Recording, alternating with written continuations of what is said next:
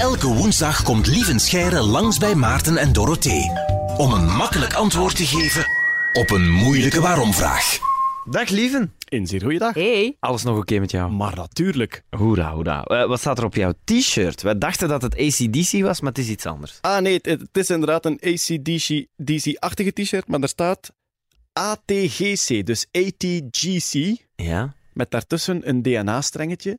Want A, T, G en C zijn de vier letters waarin uw genetische code, uw DNA geschreven is. Dat is mijn vaste t-shirt als ik mijn eh, DNA-podiumshow speel. Dus het is een soort t-shirt waarvan de meeste mensen denken, ja, je zijt mis. En dan heel sommige nerds moeten luid lachen. Ah, maar dat vind ik echt zo tof aan u, lieve. Dat dat ook zo allemaal... Ja, zo klopt. Dat dat dan ook dat t-shirt is dat je aan doet. Dat vind ik heel tof. Voor deze week hebben we voor jou de vraag van Tess eruit gekozen. Haar mama Josephine heeft die doorgestuurd. Waarom krijgt sneeuw als je erin stapt? Oh, zo schattig. Oh, waarom kraakt de sneeuw als je erin stapt? Niet alleen prachtig gevraagd, hè, mooi stemmetje, maar ook een fantastische vraag, vind ik. En wat een fantastisch gevoel ook. Als het heeft gesneeuwd en je eigen kleine stukje grond, Ja. zo je eigen oprit, hè, of Ja. je eigen tuin, waar nog niemand is geweest, en dan jij als eerste... Ja, en dat, als, het zo, als het zo lekker kraakt, goh, dat geeft mij een beetje zo een ASMR-gevoel. Ja, ja, ja. ASMR, zo die, die video's waar, Ah, waar jawel, ze zo jawel. met krakende geluidjes mensen zo Dat is een heel business, hè. rillingen geven. Ja. En de meeste van die video's werken niet voor mij, want ik kan niet tegen smakgeluiden of gefluister. Daar krijg ik eh, de kriebels van. Maar zo krakende sneeuw, dat is nog een goeie. Ja. We gaan er misschien nog even op moeten wachten tot we het nog eens meemaken, krakende sneeuw. Want Nu zal het wel niet meer sneeuwen. Maar als het dan toch nog eens zover komt... Ah, de sneeuw is dus een, ja, is een samenstelling van sneeuwvlokjes en heel veel lucht. Er zit heel veel lucht in een sneeuwlaag. En als je daarop stapt, dan ga je die dus eigenlijk eh, samendrukken. Zoals andere dingen waar veel lucht in zit. hè. Een spons zit veel lucht in. En als, als je daarop duwt, dan kun je die samendrukken, duwt je de lucht daaruit. Maar sneeuw, en dan vooral koude sneeuw, ja, er is een beetje wrijving tussen die verschillende ijskristallen, waardoor dat samendrukken in schokjes gaat. In plaats van dat je dat langzaam kunt samendrukken zoals een spons, doet dat een beetje tak, tak, tak, tak, tak. Zoals vroeger, vroeger had je zo die, die zuigrietjes in de frisdrank met Ja. zo een elleboogje in met verschillende Ja. compartimentjes. Ja. En die kon je ook zo uittrekken en samenduwen. Ja, Ook in, in schokjes, zo. hè. Tak, tak, tak, tak. Heel plezant. Ja, zeker. En dat is ook, ja, die sneeuw doet een beetje hetzelfde. In plaats van gelijkmatig ingeduwd te worden, door die wrijving tussen die ijskristalletjes, wordt dat een beetje in schokjes, in krakende schokjes samengeduwd. En hoe kouder het is, hoe beter hij kraakt. Omdat koudere sneeuw ehm, een betere wrijvingsweerstand heeft tegen elkaar dan lauwe sneeuw. Dus als het bijna gaat tooien, dan gaat de sneeuw minder goed kraken. En ik denk dat dat ook een deel is van het fijne gevoel van krakende sneeuw, omdat je dan weet, nu is het echt de goede sneeuw. Ja. Ja.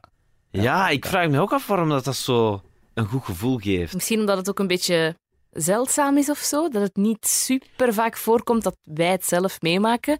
Dat je, dat je zo 's morgens echt denkt, oh, hij kraakt zo nog eens goed. Maar zou het ook niet te maken hebben met hier is nog niemand geweest en nu kom ik hier zo? Dat, Zeker. dat gevoel? Zo? Ik denk bij mij dat er ook een beetje skivakantie-nostalgie in zit. Ah ja. ja. Dat je zo denkt van, ah, een, een prachtige dag, zon op een sneeuwveld en gaan skiën, dat is echt ja, sowieso fantastisch. Ja. En ja, ik heb een tijdje in, in Scandinavië gewoond ook. En wat je daar hebt is, ehm, in het begin van de winter is het daar heel deprimerend. Het is, je hebt heel weinig licht, het is nat, het is grauw. En dan zeggen ze allemaal, in Zweden bijvoorbeeld, zeggen ze allemaal, wacht tot de sneeuw komt. Dan is alles weer goed. En dus eens dat de sneeuw er is, heb je echt zo dat winterlandschap. Er is meer licht. Iedereen gaat constant koffie en gebakjes gaan drinken enzovoort. Maar dus zij zeggen, de moeilijkste periode is die natte grijze periode voordat de sneeuw er is.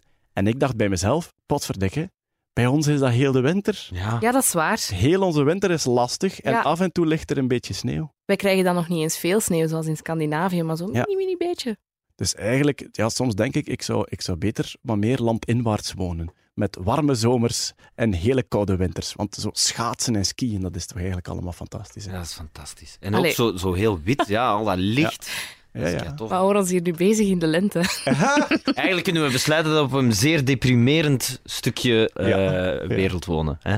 Nu, ik ga er wel aan toevoegen, niet alle sneeuw kraakt. Hè. Je hebt ook poedersneeuw bijvoorbeeld. En daar stapt je door en die stuift eigenlijk gewoon een beetje.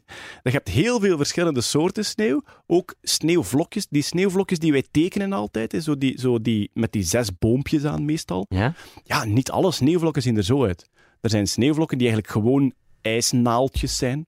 Er zijn er die driehoekjes zijn. Er zijn er die eh, zeshoekige plaatjes zijn. Er zijn er die meer een soort staafjes zijn. Er zijn er die holle buisjes zijn. Allerlei, allerlei soorten sneeuw. Die ook allemaal een andere samenstelling hebben als daar een sneeuwtapijt op ligt. Je kunt je voorstellen dat ijsnaaltjes compacter zijn dan zo die sneeuwvlokjes die wij hebben. En die sneeuwlagen, die, die soorten sneeuw in lagen, zijn geweldig belangrijk om lawines te voorspellen omdat je hebt sneeuwlagen die goed samenhangen. Je hebt sneeuwlagen die heel los samenhangen. En dus dat is een beroep, lawinevoorspeller. En die moet constant zien welk soort sneeuw valt er. Die moet ook in de gaten houden, is er nu een laag onttooid en terug bevroren? Kunt je voorstellen, er ligt een laag sneeuw, de bovenkant onttooid door de zon, s'nachts vriest die weer vast. Ja, dat is een soort glijbaan. Daarop valt een nieuwe laag poedersneeuw en daarop valt vijf meter goed samenplakkende sneeuw ja, dan zie je dat dat het ideale recept is voor een lawine. Ja. Die, ijs, die ijslaag geeft de glijbaan, die poedersneeuw is heel los en daarboven ligt gigantisch veel sneeuw die naar beneden kan glijden. Ja. Dus zo, eh, sneeuwlagen, specialist en lawinevoorspeller, dat is dus een beroep, ja. Ja. Oké, cool. Heel cool. En terecht ook, want ja, zo'n lawine dat kan wel wat miserie veroorzaken, uiteraard. Dat wilt je niet op je kop Nee, krijgen. nee, inderdaad.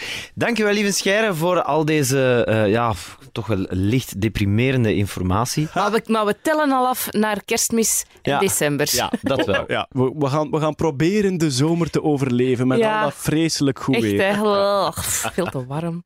Tot volgende week, hè, lieve. Jo. Jo. Ook een leuke waarom-vraag gehoord waar je zelf het antwoord niet op kent? Stuur ze zeker door via de Q-app met de hashtag waarom daarom. En dan beantwoordt Lieven Scheire jouw vraag misschien volgende woensdag al. You make us Q.